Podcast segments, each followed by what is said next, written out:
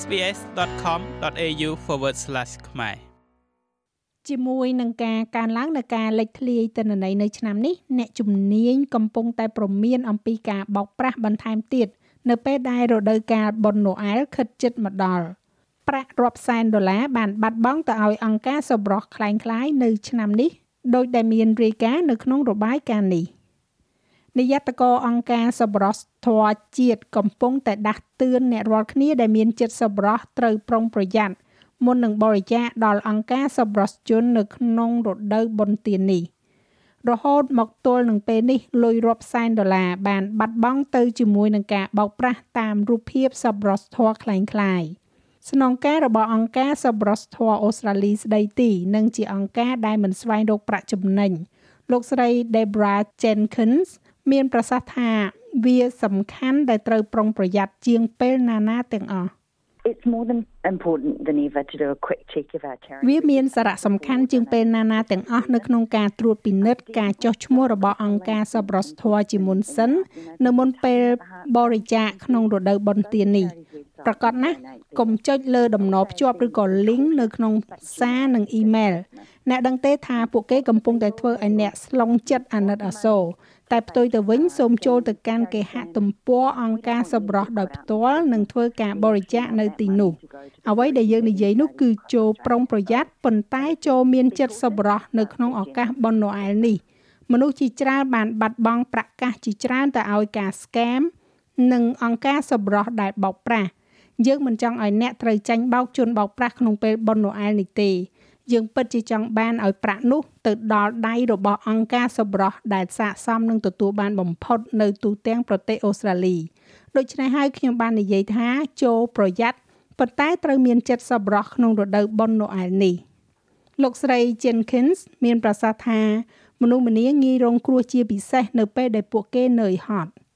The Australian Competition and Consumer Commission does គណៈកម្មការប្រកួតប្រជែងនឹងអ្នកប្រើប្រាស់អូស្ត្រាលីព្រមានថាប្រជាជនអូស្ត្រាលីរាប់លានអ្នកងាយរងគ្រោះហើយមានការបែកធ្លាយនៃការរំលោភបំពានទិន្នន័យត្រង់ទ្រីធំប៉ុន្តែការបោកប្រាស់ក៏មានច្រើនដែរជាពិសេសនៅពេលដែលមនុស្សម្នារវល់ខ្លាំងអស់កម្លាំងនិងហត់នឿយដូច្នេះយើងដឹងថានោះគឺជាហានិភ័យមួយដែលយើងត្រូវការអ្នកទាំងអស់គ្នាពិនិត្យមើល។ មេបញ្ជាការប្រតិបត្តិការអ ுக ្រិតកម្មតាមអ៊ីនធឺណិតនៃប៉ូលីសសហព័ន្ធអូស្ត្រាលី AFP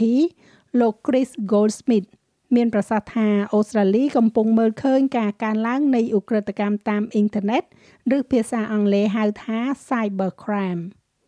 people do need to be more vigilant around this time មនុស្សម្នាត្រូវតែមានការប្រុងប្រយ័ត្នបន្ថែមទៀតនៅជុំវិញអំឡុងពេលនេះជាពិសេសជាមួយនឹងការទិញទំនិញតាមអ៊ីនធឺណិតដែលជាមធ្យោបាយដ៏ពេញនិយមនាពេលបច្ចុប្បន្នសម្រាប់ប្រជាជននៅក្នុងការទិញអំណោយបុណ្យណូអែលរបស់ពួកគេ និងអ្វីៗបែបនោះដូច្នេះចំពោះអ្វីដែលពួកគេត្រូវដឹងអ្វីដែលពួកគេត្រូវប្រុងប្រយ័ត្នខ្ពស់ចំពោះការផ្ដល់ព័ត៌មានផ្ទាល់ខ្លួនរបស់ពួកគេទៅឲ្យនរណាម្នាក់ដែលអ្នកមិនស្គាល់ ជាពិសេសប្រសិនបើវាស្ថិតនៅខាងក្នុងអ៊ីមែលឬក៏សារដែលអ្នកបានទទួលចាំបាច់អ្នកត្រូវតែមានការប្រុងប្រយ័ត្ននិងផ្ទៀងផ្ទាត់ឲ្យបានច្បាស់ថាអ្នកណាដែលអ្នកកំពុងតែតាក់ទងជាមួយនៅលើអ៊ីនធឺណិតមុនពេលដែលអ្នកផ្ដល់ព័ត៌មានផ្ទាល់ខ្លួនប្រសិនបើអ្នកមានការសង្ស័យថាអ្នកណាដែលអ្នកកំពុងតែតាក់ទងជាមួយនោះអ្នកគួរតែផ្អាកវាសិនហើយតាក់ទងទៅពួកគេវិញតាមរយៈយន្តការដែលអាចទុកចិត្តបាន។ បច្ចុប្បន្ន AFP កំពុងតែចូលរួមនៅក្នុងយុទ្ធនាការអន្តរជាតិ EMMA 8ដើម្បីលើកកម្ពស់ការយល់ដឹងអំពីអ្វីដែលគេហៅថាជាការវេប្រាក់បោកប្រាស់ឬ money muling And that campaign is a, is a global effort, a global initiative to raise ហើយយុទ្ធនាការនោះគឺជាការខិតខំប្រឹងប្រែងជាសកលដែលជាគំនិតព្រួយផ្ដើមជាសកលដើម្បីលើកកម្ពស់ការយល់ដឹងអំពីការវេប្រាក់បោកប្រាស់ឬក៏ money muling តើ money muling គឺជាអ្វីវាគឺជាក្រុមអ ுக ្រិតជន នៅពេលដែលពួកគេប្រព្រឹត្តការក្លែងបន្លំនិងការបោកប្រាស់ពួកគេជាញឹកញាប់ត្រូវការគណនីធនាគារអូស្ត្រាលី ដើម្បីផ្ទេរប្រាក់ដែលពួកគេបានលួចពីជនរងគ្រោះចេញពីដែនដីរបស់អូស្ត្រាលីដូច្នេះហើយដើម្បីធ្វើដូច្នេះបានចូលប្រើ money muling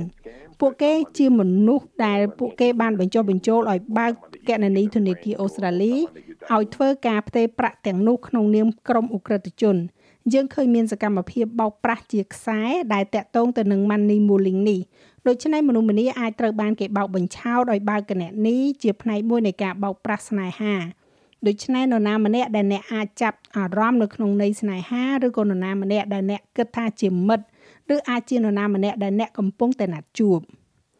លោក Goldsmith និយាយទៀតថាជនដែលរងគ្រោះដោយសារតែការឆោបោកមិនគួរខ្មាស់អៀនក្នុងការចេញមុខមកនោះទេ If, if you think you've been a victim of a scam, it's really ប្រសិនបើអ្នកគិតថាអ្នកជាជនរងគ្រោះនៃការបោកប្រាស់ណាមួយ វាពិតជាសំខាន់ណាស់ដែលអ្នកមិនត្រូវខ្មាស់អៀនអំពីរឿងនោះឡើយរាយការណ៍វាឲ្យបានឆាប់